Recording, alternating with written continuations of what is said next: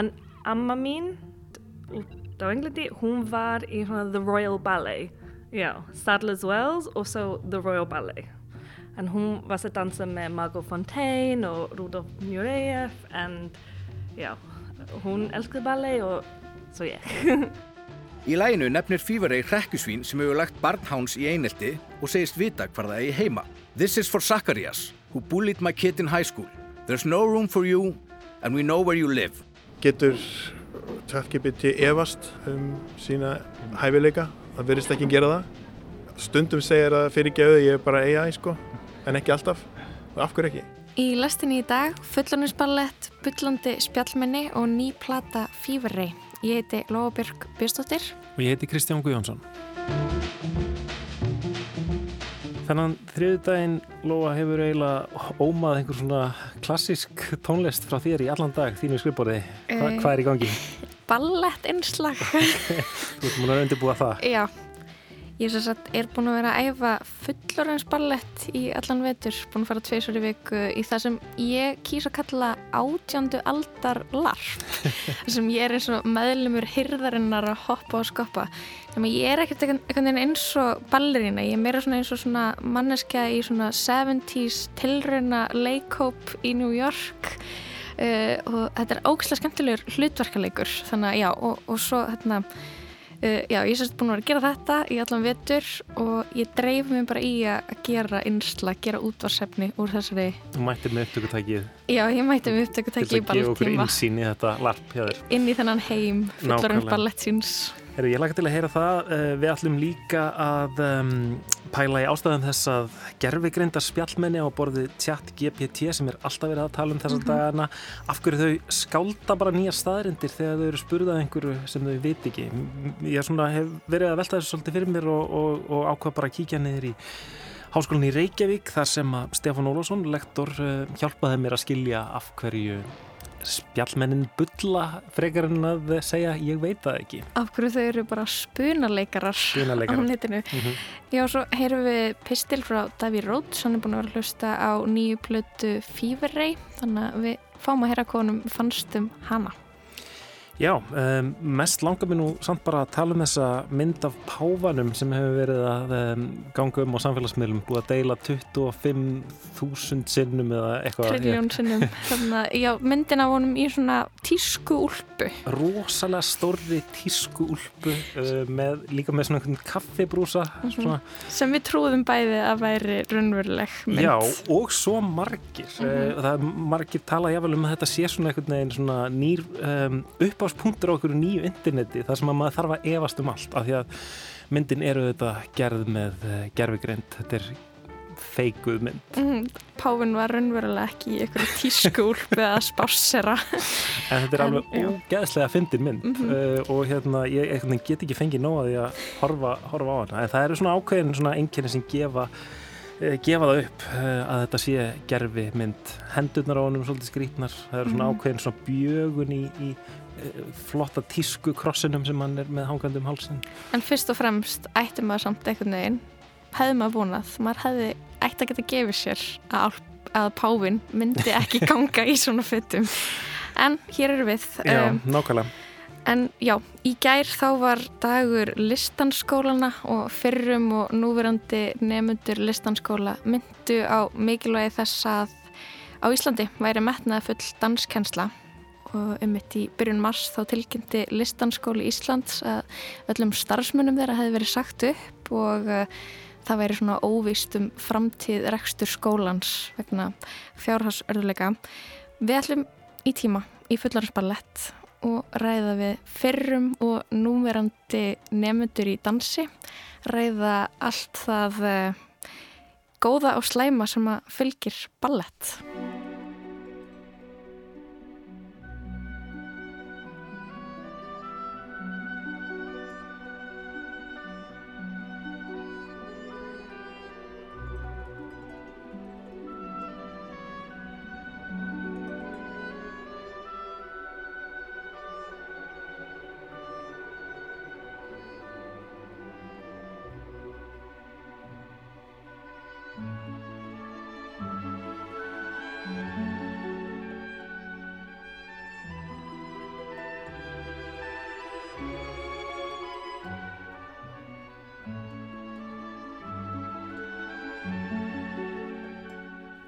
Það sem er skemmtilegast við fullorðansballett er þegar við dansum svanavatnið og þetta er tónlistinn.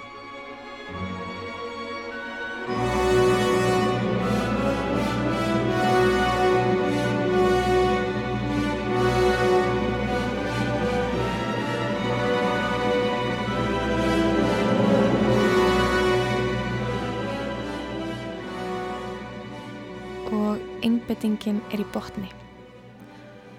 Og þessi hugmyndum ballerinna sem er alveg fullkomin upp á sviði, bein þar sem hún á að vera bein og bógin þar sem hún á að vera bógin, útsnúningurinn fullkomin, allt hárið límt niður með 20 lítrum af hársprei og svo við í sali í skipholtinu með þessa tónlist í botni í Jópi all hátalara, sumur í nækböksum, aðrar í ballettæfingabúning.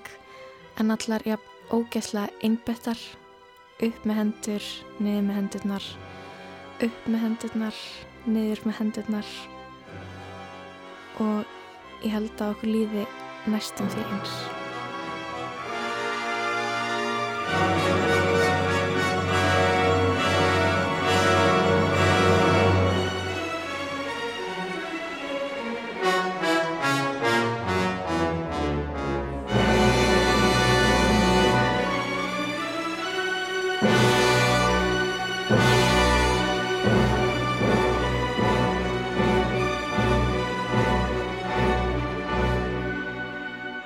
Ég er búin að vera að mæta í fullorðinsballett síðan í janúar. Ég ákvaða að skella mér með vinkonu minni Katrínu Ásmunds en við kynntumst þeim eitt fyrst í fullorðinsballett fyrir tíu árum. Þegar ég var sex ára þá leiði ég geggjað bók á skólabókasafninu, fannst mér, uh, sem var í rauninni bara ballettbók með fullt af teikningum sem síndu allar svona helstu stöðunar, fyrstu, aðra, þriðju, fjóruðu, fymtu, position, hvernig maður ætti að gera sjönei og píruettringi og þess aftar og þá var þetta eiginlega bara komið. Ég... Þetta er Katrín, ballett æfingafélagi minn. Hún er svo sem ég helst verið að ræða ballett við, allar þversagnirnar sem við upplöfum í ballettímum og hvers vegna við sækjumst í að dansa eins og meðlemið hirðarinnar á átjöndu öld tvísar í viku. Og svo fekk pappi minn símtall frá skólastjórunum þar sem hún spurði bara hvort að það væri ekki öruglega allt í lægi þó að dóttur hans myndi byrja að dansa ballett. Það er mjög þægilegt að efa ballett með Katrínu. Ég fer alltaf fyrir aftan hana á stengina svo ég geti hermt eftir henni. Það sem er hins vegar erfitt er að við mögum ekki tala saman í tímum en við fáum útrás fyrir það inn í búningsklefa eftir tíma og hrósum hver annari fyrir góðan ballans eða útsnúning eða flott piruett.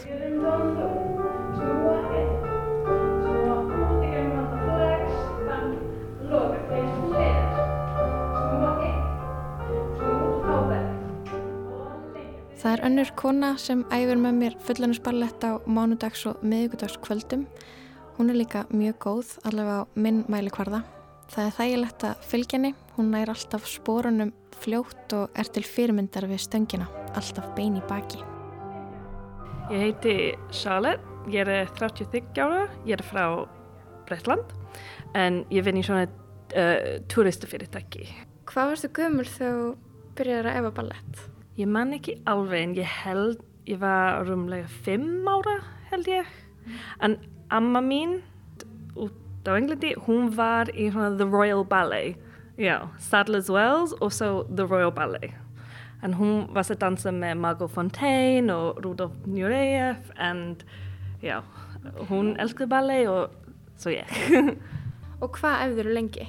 Sko, ég var bara á að æfa ballet um helgina þegar ég var um helga, þegar ég var fimm eða sex og svo þegar ég var átt ára, ég fekk plás í svona ballettskóli sem heiti The Arts Educational School í London. Og svo fór ég í ballettskóli frá mánudagur til förstu dagur og var að dansa alla dagur, alla daginn. Frá 8 ára til 16 ára. Og voru allir sem voru með þér í skólanum ótrúlega góður að dansa? Já, ég var kannski vest en ég held það við verum sjö eða átta held ég og enginn er enda í dans. Nei. Ok, þannig að þegar þú klárar þegar þú ert 16 ára, hættir þú bara alveg að dansa ballett? Já, ég var búinn. Það var, ballett er svo erfitt. Can I say in Yeah, yeah, English? yeah. Okay.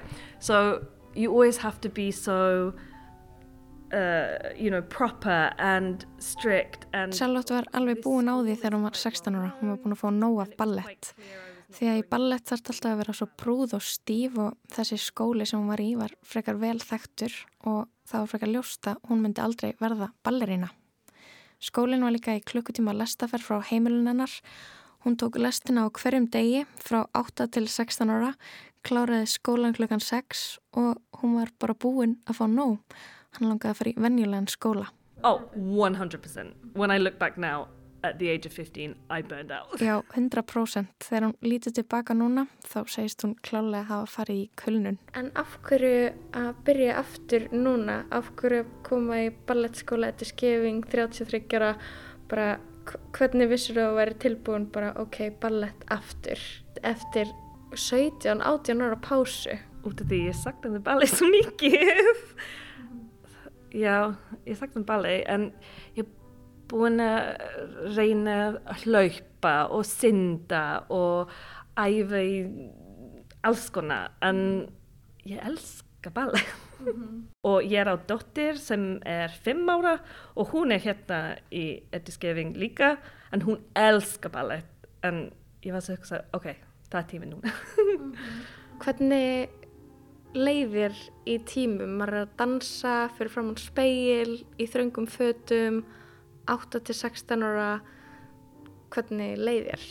So I was quite lucky in that I was quite petite and I didn't really ever have any issues with body image, so to speak, I don't think. But I definitely Charlotte segist hafa verið frekar heppin að því leitinu til að hún var alltaf frekar smávaksinn og lendi ekki neinu vesni með líkamsýmynd. En hún tók eftir í kringum sig. Og það voru alveg einhverja stelpur í bekknum hennar sem fengu einhvers konar ádröskun. Henni fannst kennararnir stundum óþarflega strángir og það finnst henni kannski helsti ókostunum við ballett, þessi neikvæði og gamaldags viðhorf. Og það er eitt sem henni þykir svo gott við að vera hér, allir þrýr kennararnir sem við erum búin að vera með þessa önnina, þeim hefur öllum tekist að gera þetta skemmtilegt og minna hana á hvers vegna hún elskar ballett. It helps you to fall back in love with the reason why you liked ballet. En ég var að velta fyrir mér líkamsýmynd úlings í ballettskóla. Charlotte segist algjörlega mun eftir aðtöðasendum frá kennurum á borðið ég sé hvað borðar í hátegismat, einhverjur þannig aðtöðasendir. Þegar raunin var, svona þegar hún lítið tilbaka, þá voru þær allar mjög, mjög smágerðar. Hún man líka eftir skipti þar sem að kennari hjælt kveikjara undir fæti stúlku til þess að fá hana til þess að lifta fætinum herra. Svona væg pyntingaraðgerð. Það má ekki geispa eða tala og alltaf virðast auðvelt. Niður með axlinnar, inn með magan, bein í baki, fínar hendur, spenna rassin, spenna magan. Allt á að vera fullkomið en fullkomnunin er ekki innan seilingar í fullanusballett tíma. Í flúarlista salnum í þröngu fötunum okkar með speiklana út um allt. Speiklanir sem eru nöðsynlegir svo þú getur séð hvernig kennarinn gerir og hvernig þú gerir, hvort þú sérst örgulega að gera rétt. Ef þú hefur einhver tíman upplifað líkams óryggi þá er ballettími eiginlega eins og berskjöldunar með ferð.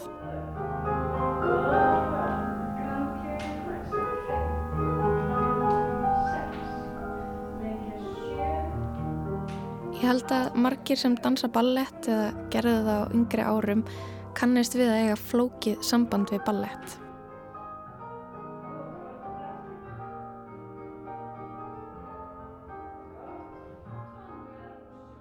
Ég elskaði og elska agan og rútínuna. Þú veist þannig sé alltaf hvað þú ferð úti að því að ballettímanir eru alltaf eins uppbyggðir. alltaf þú veist sömu æfingarnar í eiginlega sömu röð en bara mismunandi sömu æfingar þannig öðru svo útgáfa plie en þú byrjar alltaf á plie.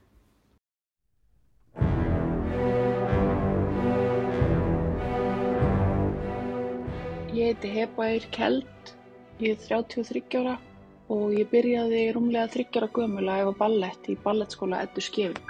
Lengi framan af fannst þér alltaf bara ótrúlega gaman í ballett. Mér fannst gaman að hitta vinkunum mínar, gaman að fara í ballettbúning og vera með ballettsnúð í hárinu. Svo kannski breyttist það svolítið þegar ég fatta eða finn fyrir að ég er bara herri en hinnar og ég er einhvern veginn styrðari en mann langar að verða einhvern veginn annað en maður er þegar maður sér uh, staðalímyndina af ballerínu og svo sjálfan sig. En það sem var kannski svona smá erfitt og neikvægt þannig séð er að þú ert í rauninni að leytast eftir fullkomnun og það er náttúrulega ekki hægt þannig að, að því leitinu til kannski fannst manni ofta eins og maður væri að klúðra ef að það er eitthvað orð sem að er hægt að nota við þetta en þú veist þú lítir náttúrulega ekki út eins og rúsnesku ballerínurnar sem þú kannski að horfa á Ég heiti Erna Guðrún Fridsdóttir og er 32 ára. Ég byrjaði nútíma dansdeild listanskóla Íslands 17 ára gömul og þar var auðvitað mikill ballett. Ballett hafiði jú vissulega einhver áhrif á líkamsýmyndina. Uh, maður sett á sig ákveðna pressu, maður líti einhvern veginn út og auðvitað á svona mótandi aldri. En ég vona að þetta sé að breytast og ég held að það sé nú þegar að gera það. Ég heiti Ragnhildur Sigurdóttir Bjarnarsson og er uh, 36 ára. Ég uh, byrjaði að efa ballett þegar ég var 30 ára hjá Eddu Skeving. Þó að mér hefði langað til að æfa annað, þá gerði ég bara með því að mér varst alltaf gaman að dansa. Sama hversu erfitt það var eða, já, streytuvandlandi stundum. Í ballettímum leið mér bara nokkuð vel. Mér var alltaf fyndist gaman að dansa og mér var gaman að tilenga mér einhver ákveðna tækni. Alltaf fyndist það. Setna mér, þegar ég var hún eldri, fannst mér mjög mikið pressa á ákveðna uh, líkams, ákveði líkamsútlitt og er enn að díla við alls konar hugleðingar uh, sambandi við það. Alls konar pressu í sambandi við bara dansinn og líkamann og hvernig líka mann á að vera þegar hann er dansandi. Það er bara eitthvað sem mun bara fylgja mér alltaf. Einn, tveir, þrýr, piki. Einn, tveir, þrýr, piki. Einn, tveir, þrýr, piki. Og þrýr, piki. Hvað hétt amma þinn? Hún hétt Rosemary Lindsay. Var hún mjög ánægð að þú varst að efa ballett? Já, hún elskar þetta. Og hún byrjaði að borga fyrir þetta ballettskólið. Þú slúið að finna, amma mín borgaði líka fyrir ballettinu mínu, já, ömmur elskar grannlega ballett. En var hún svona, ammaðinn, var hún svona ströng ballerína, alltaf bein í baki og gerði allt rétt, svona? Já, hún var, en hún var með ballettstöng inn í eldhús heima hjá henni, já. Svona lítinn ballettstöng, en já, hún var, en ballett var pínu öðruvísi. Þetta var 1940 þegar hún var að gera ballett. Allir var ekki svona stick thin og svona uh, ultra petite.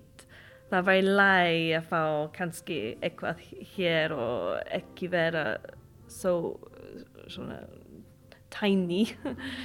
um, and she did also like to comment. We used to do shows and they would film them and we would she didn't live with near me so we would take the videos oh yes i see you charlotte the one with your shoulders up mm-hmm. which here in this ballet school now was for the first five weeks everything was put your shoulders down put your shoulders down and that was kind of a flashback for me Hvað er uppáhaldssporið þitt? Hvað finnst þið skemmtilegast að gera í ballett?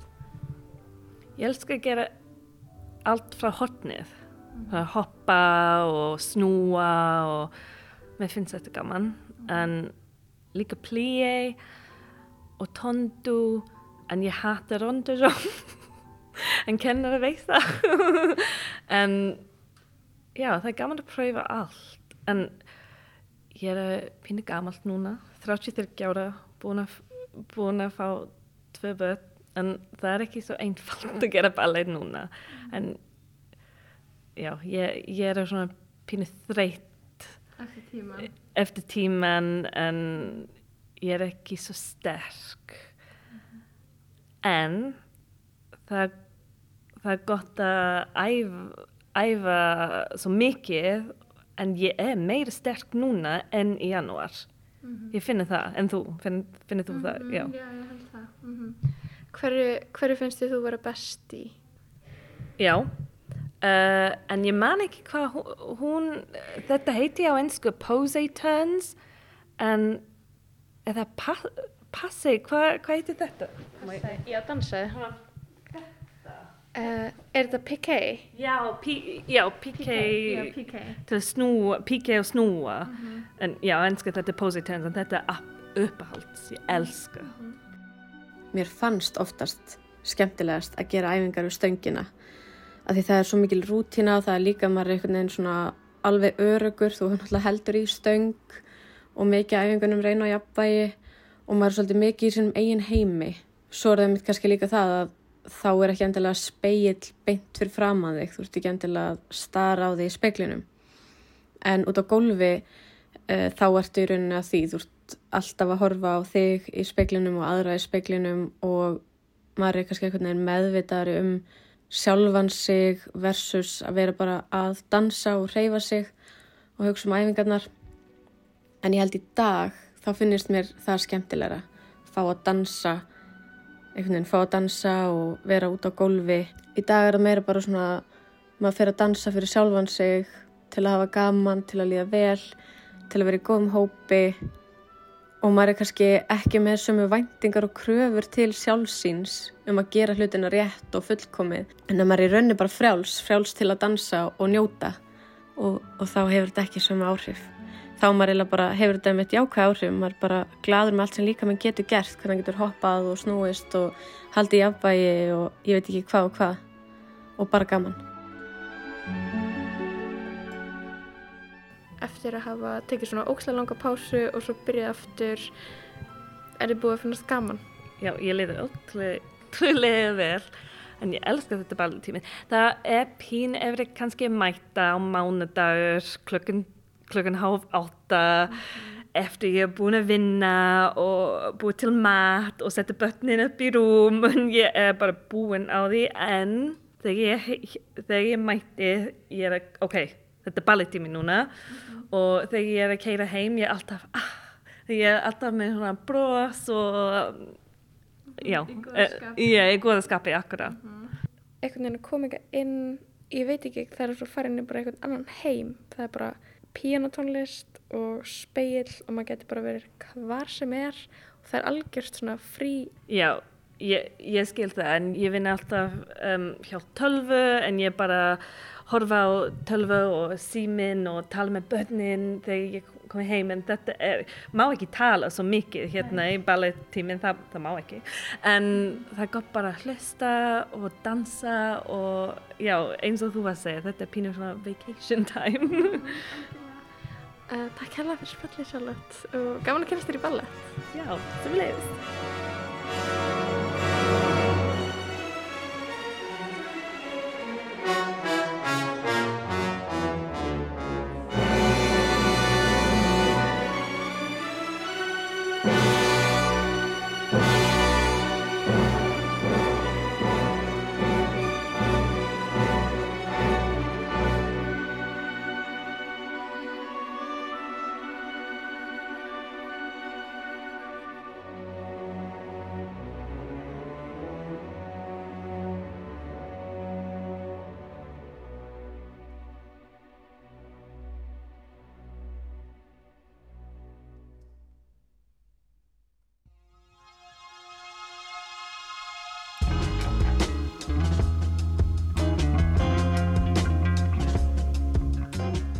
Eins og svo margir aðrir hef ég leigið í gerfegreindar spjallmenninu Chat GPT undarfarnar vikur og mánuði.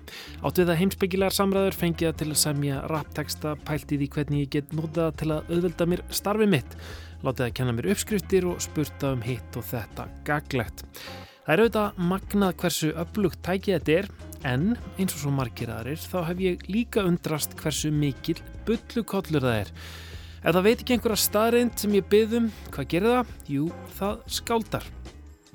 Kæra spjallmenni, hver er Latti? Latti eða Ladislav Sikora, fættur 20. janúar 1947, er íslenski haldskískur skemmtithjóðhöfundur, leikari, söngvari og ríthöfundur. Hann fættist í Tjekklandi en flutti til Íslands árið 1960. Jú, Latti er vissulega fættur 20. janúar 1947 og er einn af þekktustu og elskuðustu skemmti kröftum þjóðarinnar en skýrnarnafn hans er auðvitað ekki Ladislav, hann er ekki fættur í Tjekklandi og er ekki íslensk íhaldskískur, hvað sem það nú þýðir. Já, hvaðan kemur þessi skáldskapur eiginlega? Þar sem hann syngur af sér eigin lög og vinsæl íslensk lög. Þannig ertu eitthvað að rugglast. Latti heitir réttu nafni Þóraldur Þóraldsson skrifa ég. En átta mig ekki á því fyrir en svarið kemur að auðvitað var ég sjálfur að rugglast. Hann er ekkit Þóraldsson, hann er Sigursson. Ég byggst innilega afsökunar. Þú hefur alveg rétt. Ég rugglaði skiljanlega saman við annan skemmti þjóðhöfund.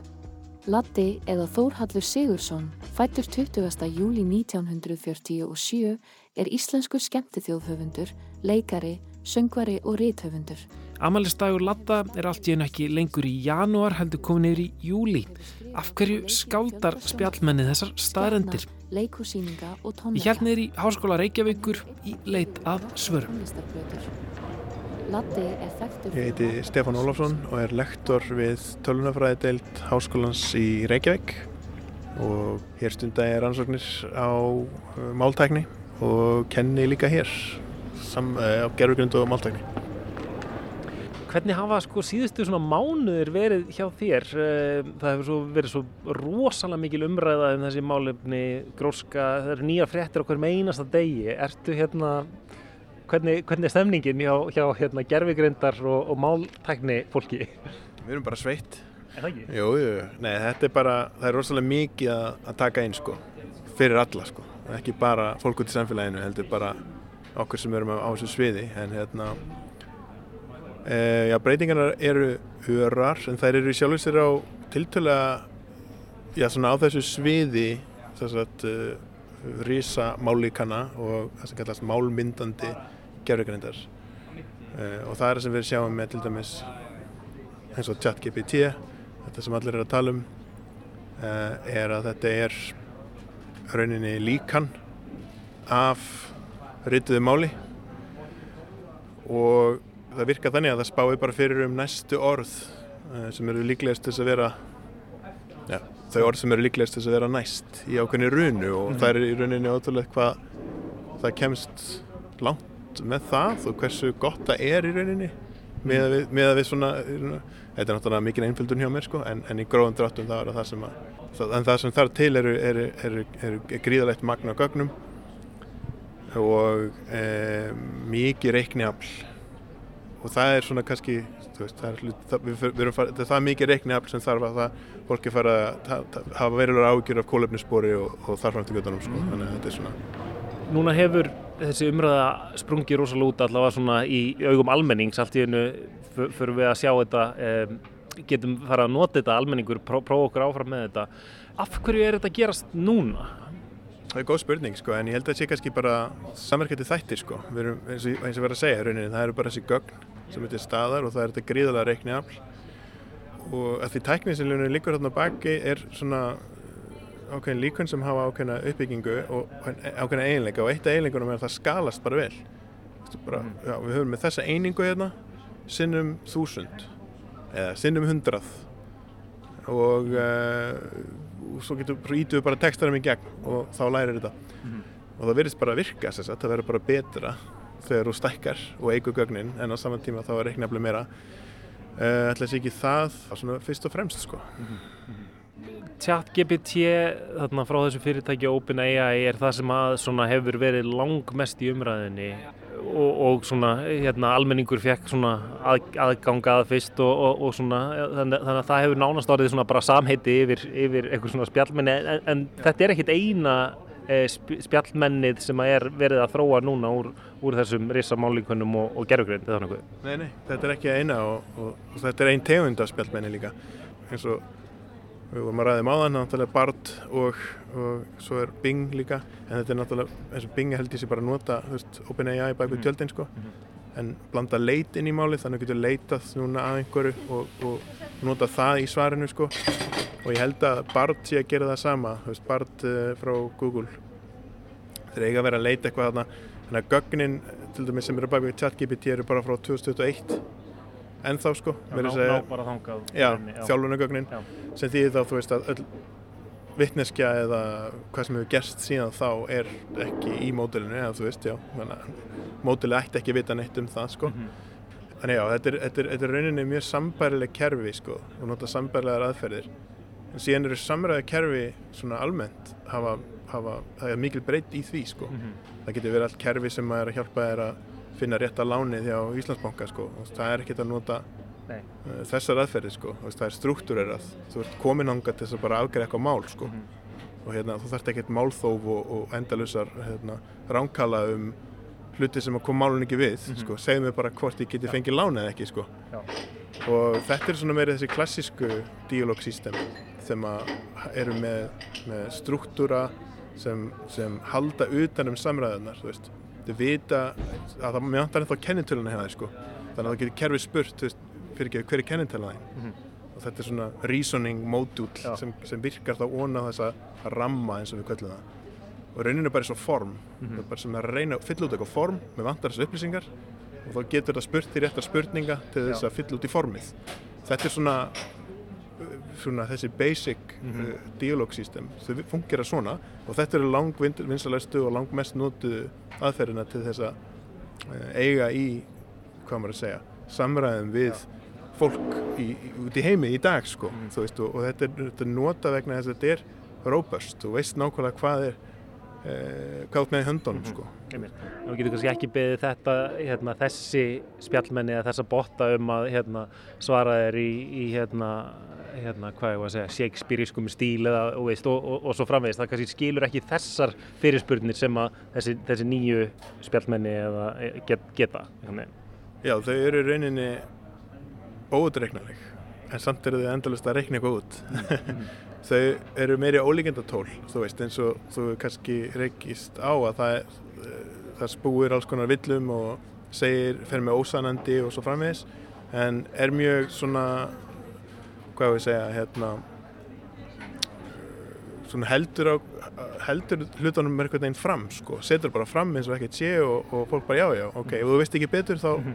getur þetta alveg eins verið satt þannig við þurfum ennþá að hafa varan á sko, mhm. eins og með við kerfin eins og þau eru núna sko og, og núna, og það sem þarf að gerast núna finnst mér á næstu árum er að auka það sem við kallum trustworthy AI það þarf að setja meiri peninga í þetta það þarf að móta almennilega stefnu til dæmis en á Íslandi það er sko stefna en kannski tekur ekki alveg nóg vel á þessu, þessu málum sko mm -hmm. og, og við þurfum að passa að kæfi ekki grunnrannsóknir í einhverjum, í einhverjum regluverki og saman tíma þurfum við að passa að, að, að hérna, markaðurinn fær ekki alveg á böndunum sko og, og fái bara leika, þannig að gerðurinn þá er bara að leika, leika lausum hala sko. Þannig að við sjáum að þegar hlutinni verða betri í þeim skilningi að módelin verða nær því hvernig við hugsaum sko uh, og hvernig mannleg reynd er að, ég meina, hvað ertu komið með í hendunar þá sko? Þú ert ekki þá komið bara með í hendunar annars konar líf og mm. hvað, þú veist uh, hvert eru við að fara sko og það þarf að móta allavega þessa stefnu og setja einhverja rammautanum þetta Töluðum aðeins um hérna uh, hvernig það kom alls konar villur í þessu.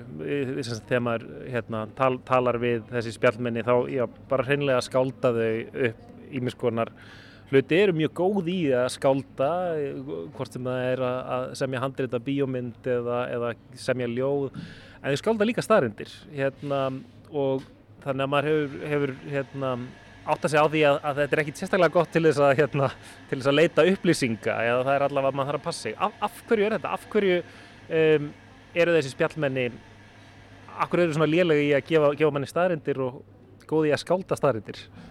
Kanski bara því að hafa ekki nægilega góða mynd af raunveruleikanum, sko það er ekki mótel af heiminum eins og hann er eða til dæmis að þú spyrt uh, ChatGPT áður en áður en að þú svarar eftirfærandi spurningu segðu mér hvað þú ætlar að gera það í mörgum orðum. Segðu mér hvað að verða mörg orð. Mm -hmm. og það getur ekki gert það. Vegna þess að það veit ekki nákvæmlega hvað það er að fara að skrifa mörg orð. Það veit ekki nákvæmlega hvenar kemur end eða stoppmerkið Já. sem það generetar sjálft. Mm -hmm. en þetta er bara svona eitt dæmi sko. En, en, en um, kannski er ekki nóg að þjálfa upp sagt, svona tauganett eins og þeir eru þarna baka tjöldin. Um, til þess að ná að uh, halda utanum eða, eða, eða hvað segir maður? Uh, þess að auðlast bara þekkingu á heiminum sko. Kanski þarf að útfæra uh, einhvern þekkingar sko módul uh, til liðar við, við, við, mm. við líkanir sem kann svo vel að skrifa. Því við Já. sjáum það að það eru kannski eiginlegar þess er að mynda góða setningar. Það er orðið nokkuð ljóst. Og það er góðar að maður kaupir alveg það sem við verðum að segja. En það er ekkert verið að aðtöða hvort að það sé satt eða rétt. Mm. Getur ChatGPT evast um sína hæfileika það verðist ekki gera það uh, stundum segir að fyrirgeðu ég er bara AI sko en ekki alltaf? Og af hverju ekki? Og það er rauninni að það er ekki kontrollmekanismi það er ekkert stýri ekkert sem stýrið í hvað fer út í rauninni. Mm. það er bara hérna, hvað er líklegast þess að vera næst. Og, og, og samanlega samansinni þessar þegar stundum kemur ég er bara AI og ég veit ekki það var því það var mjög, bara það líklegast það sem að, það var mjög líklegt að ég á að segja þetta núna. Mm -hmm. svo, svo breytir við promptuna þess að segja en ímyndaðið er að uh, þú veist, og svo kemur við með eitthvað rosalega ljótt scenarjó sem það á aldrei að skrifa um mm. en ímyndaðið er að þetta sé skaldsaga sem þú ert að skrifa þá bara kemur scenarjóið út sko. þú getur komist fram hjá þessum sem, sem tálmum sem það setur upp en, en hérna, við, já, það er kannski þannig að veist, er bara, þetta er kannski ekki besta leiðin til þess að bæði uh, eins og staðinu núna sko, þá verðist að vera þannig að það þurfum að gera eitthvað meira til þess að, til þess að útværa þekkingar hlutan. Mm -hmm. Það vantar einhvern svona hérna, staðrinda próunar mekanisma, svona fact-checking sko, sem að kannski hjá, hjá mannesku þá náttúrulega hugsaum við alltaf hvernig, eða sagt, þá, þá mátu við kannski hverja staðrind við allan þann þekkingarheim sem að við, sem að við höfum lifað í svo lengi einhvern veginn já. Bæði það og heimurinn eins og hann er. Sko, við skiljum að við sleppum einhverju og þá dettur það niður út af þingdaraflinu mm -hmm. Og við vitum við getum ekki gengið í gegnum veggi og svo framins það er alls konar svona sannleikur og, og þekkingum hvernig heimurinn virkar og 1 pluss 1 er 2 svo framins og þú segja skemmtilegar hérna, tilröndin manna til þess að kenna rauninni ChatGPT að 2 pluss 2 sé 5 mm -hmm og, og, og að lókum þá gefst það upp og segja já þetta er rétt hjá þér, já fyrirgeðu, já það er rámt verið mér ég veit ekki hvernig það er með fjögur reyndar, gefið til fjögur, þeir voru okkur búin að lofa þig að það er betra þá en þetta er svona spurning. En kanns, kannski verður þetta til þess sagt, að, að því við vitum að heili uh, getur af sér hug. Við vitum það. Mm -hmm. kannski, og sem, sem er velbúnað er við getum hugsað þannig, þetta er, eða þú veist það er hérna biológiskar tengingar, mm -hmm. þetta er bara raunverulega tengingar á milli frumna. Og kannski verður það þannig að að tauga nett dugi til þess, kannski bara þarf að vera náðu stort, að geta af sér hug líka. Kannski. Við vitum það ekki sko akkurat núna. Uh, og sögumir segja að ég sé klikkaður að segja þetta sko, en, en sannleikurinn er náttúrulega, við höfum ekki prófað að fara upp í trilljón parametra sko, og, uh, eða breytur eins og núna GPT-3 eða 4, þetta er með eitthvað kringum 170 eða 80 hérna, miljardar uh, breyta. Mm -hmm sem því það er bara, ég myndi að það er 180 nappa eða hvað er þetta hérna mm -hmm. snúningstakka sem þú þarfst að breyta til þess að læra. Uh, og hérna, hvað gerist þegar þú ferð upp í trilljón? Hver, hver, þetta er bara menn, menn er að spá í þessu núna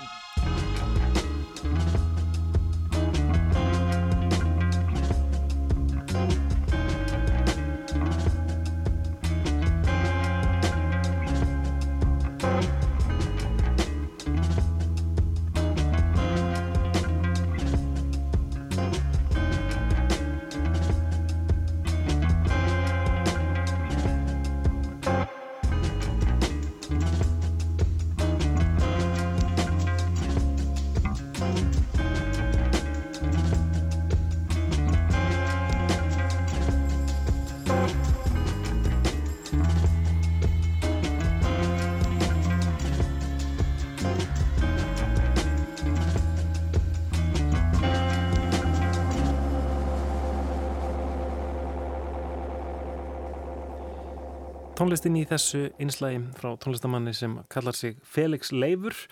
Um, þetta er lag sem heitir Cohen Social Club. Þannig að undan var rætt við Stefán Ólásson, lektor við Háskólan í Reykjavík. Næst fáum við pistil frá Davíð Róts Gunnarsinni. Hann ætlar að fjalla um nýjustu plötuna frá svenska tónlistarkvornum Fever Ray, Radical Romantics.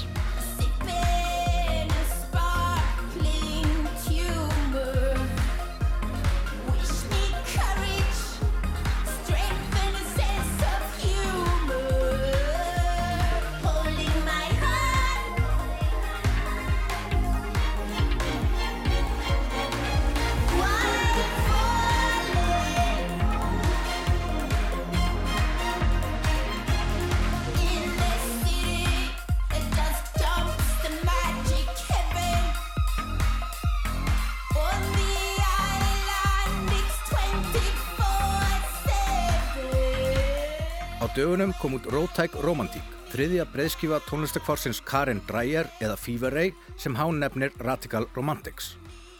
Á plötinu kannar Fever Ray pólitík, kynferðis og ástarsambönd þeirra sem finna sig ekki innan kynja tvíhyggunar og gefur risastóra lungutöng til þeirra sem vilja holfa hán niður á fyrirframmótaða bása.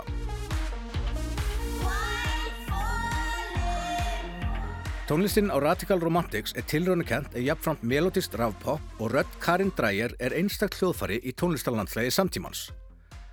Hán sjálft er arkitektina sándinu en á plötinu koma líka við sögu Trent Reznor og Atticus Ross og svo bróðir Háns, Olaf Dreyer, sem áður skipaði með Háni duettinn The Knife. Sá duett var stopnaður af sískinnum 1999 í Gautaborg og varð eitt af flaggskipum framsækina ráftónlistar í upphafi 2001. aldarinnar en þau slóðu fyrst almennilega í gegn með annara plötu sinni Deep Cuts ára 2003 og þá ekki síst með slagarunum Heartbeats.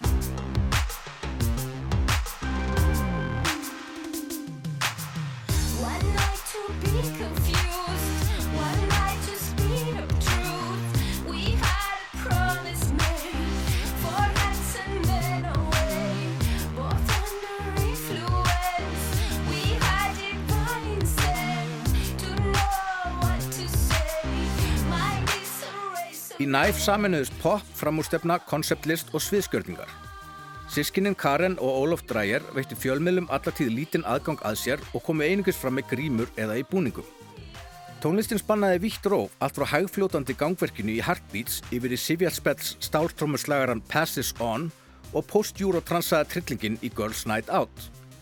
En það sem helst batt tónlistina saman var þó rödd Karin Dreyer sem var með gríðarlega einkennandi rattbeitingu og hljóm þrátt fyrir að söngurinn færi yðurlega í gegnum ótalfiltera og rattbreytingarmaskinur.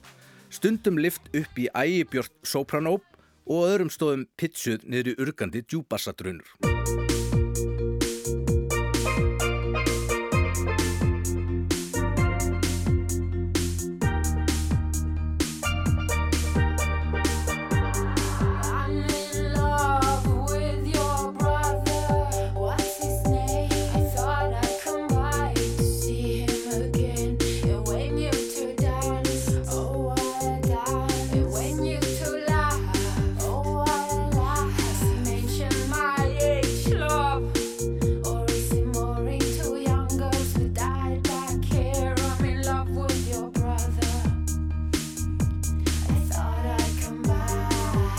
Fyrir plötuna fenguðu sænsku Grammy-velunin en sendu vini sína í górilubúningum til að taka á mótið þeim og mótmæla feðraveldinu í sænska popbransanum. Á Silent Shout árið 2006 fóruðu þessu enn lengra með hljóðheiminn og þemun af fyrir plötunni og uppskáru ríkulega. Það hreinlega ringdi velunum yfir plötuna og það var vandfundin sá árslusti þar sem hana var ekki að finna meðal þeirra tíu bestu. Hún vermdi meðal annars fyrsta sæti hjá Pitchfork. Þá fóruðu líka í sína fyrstu tónleikaferð þar sem þau komu alltaf fram með grímur.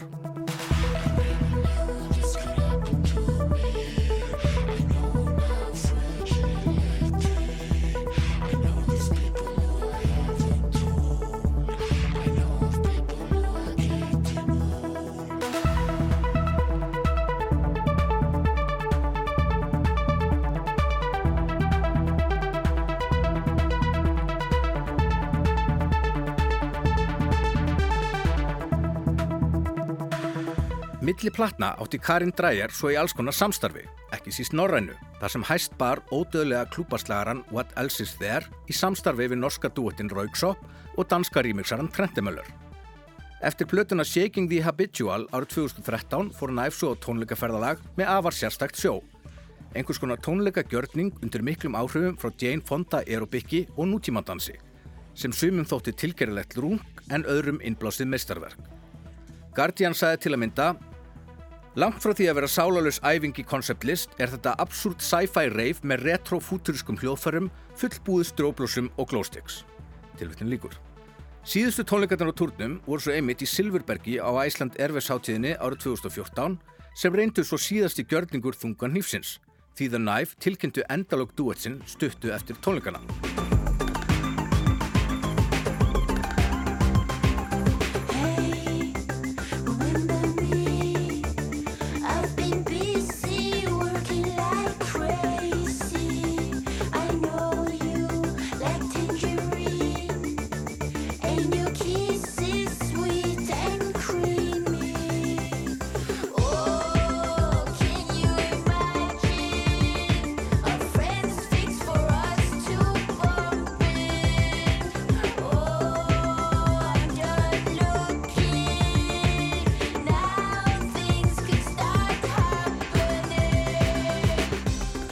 Fyrsta sóluskífa Dreyer kom út árið 2009 undir listamannsnafninu Fever Ray og var mjög áhugavert verk, þó eilitið þingra og tilrönnukendara en plötur The Knife.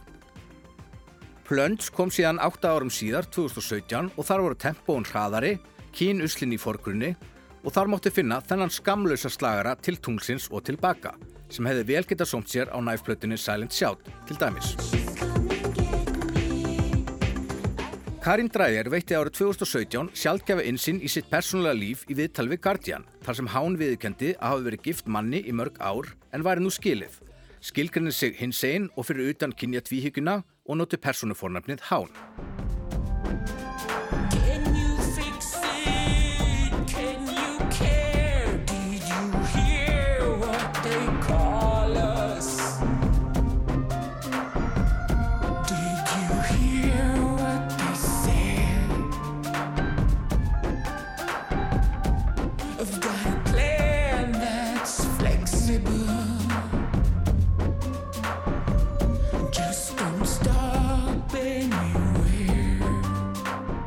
Á Radical Romantics er gáskafull koma út úr skápnum grettan sem var allsræðandi á síðustu skífu aðeins farna hjaðna.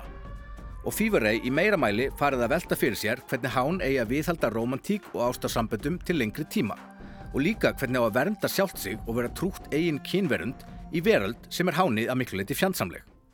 Strax í fyrsta læginu spyr hán til dæmis Heyriruðu hvað þau kalla okkur?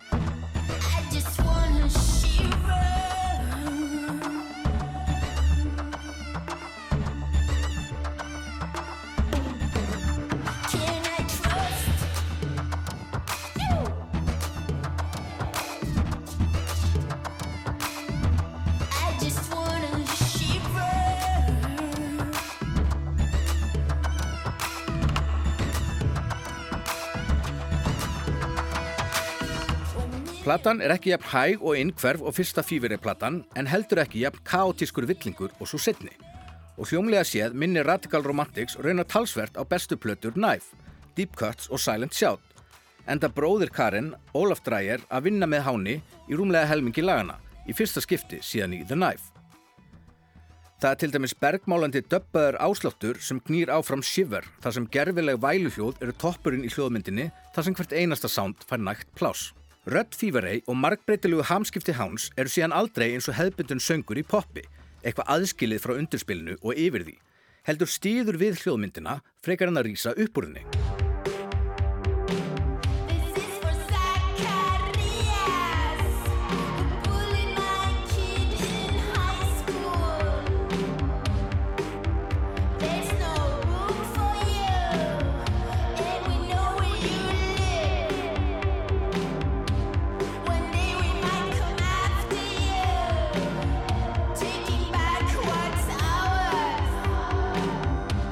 Even It Out er steinsteipu harður yðnar banger sem kemur frá samstagsmönnunum Trent Reznor úr Nine Inch Nails og Atticus Ross sem saman hafa slegið í gegn með kvikmyndatónlist í Social Network og fleiri myndum.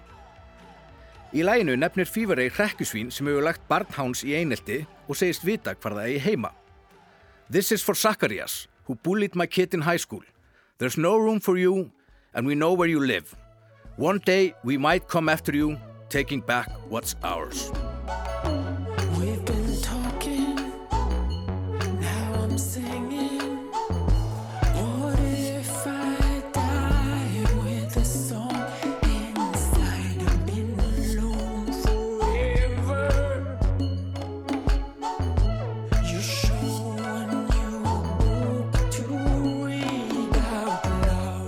Kandi leita Ray á kunnulegar slóður þar sem stáltrommur skoppa í kringum vælandi syntha og dýnamist ratsviðið til að mynda hægfljótandi en stigmagnandi seið um sælgetið sem allar stelpur guð vilja. Þessi þriðja soloskífa Ray er hán sterkasta hinga til og samin er grípandi lagasmíðar og hljóðheim næf árana við framsökun kínusla svo unun er á að hlýða.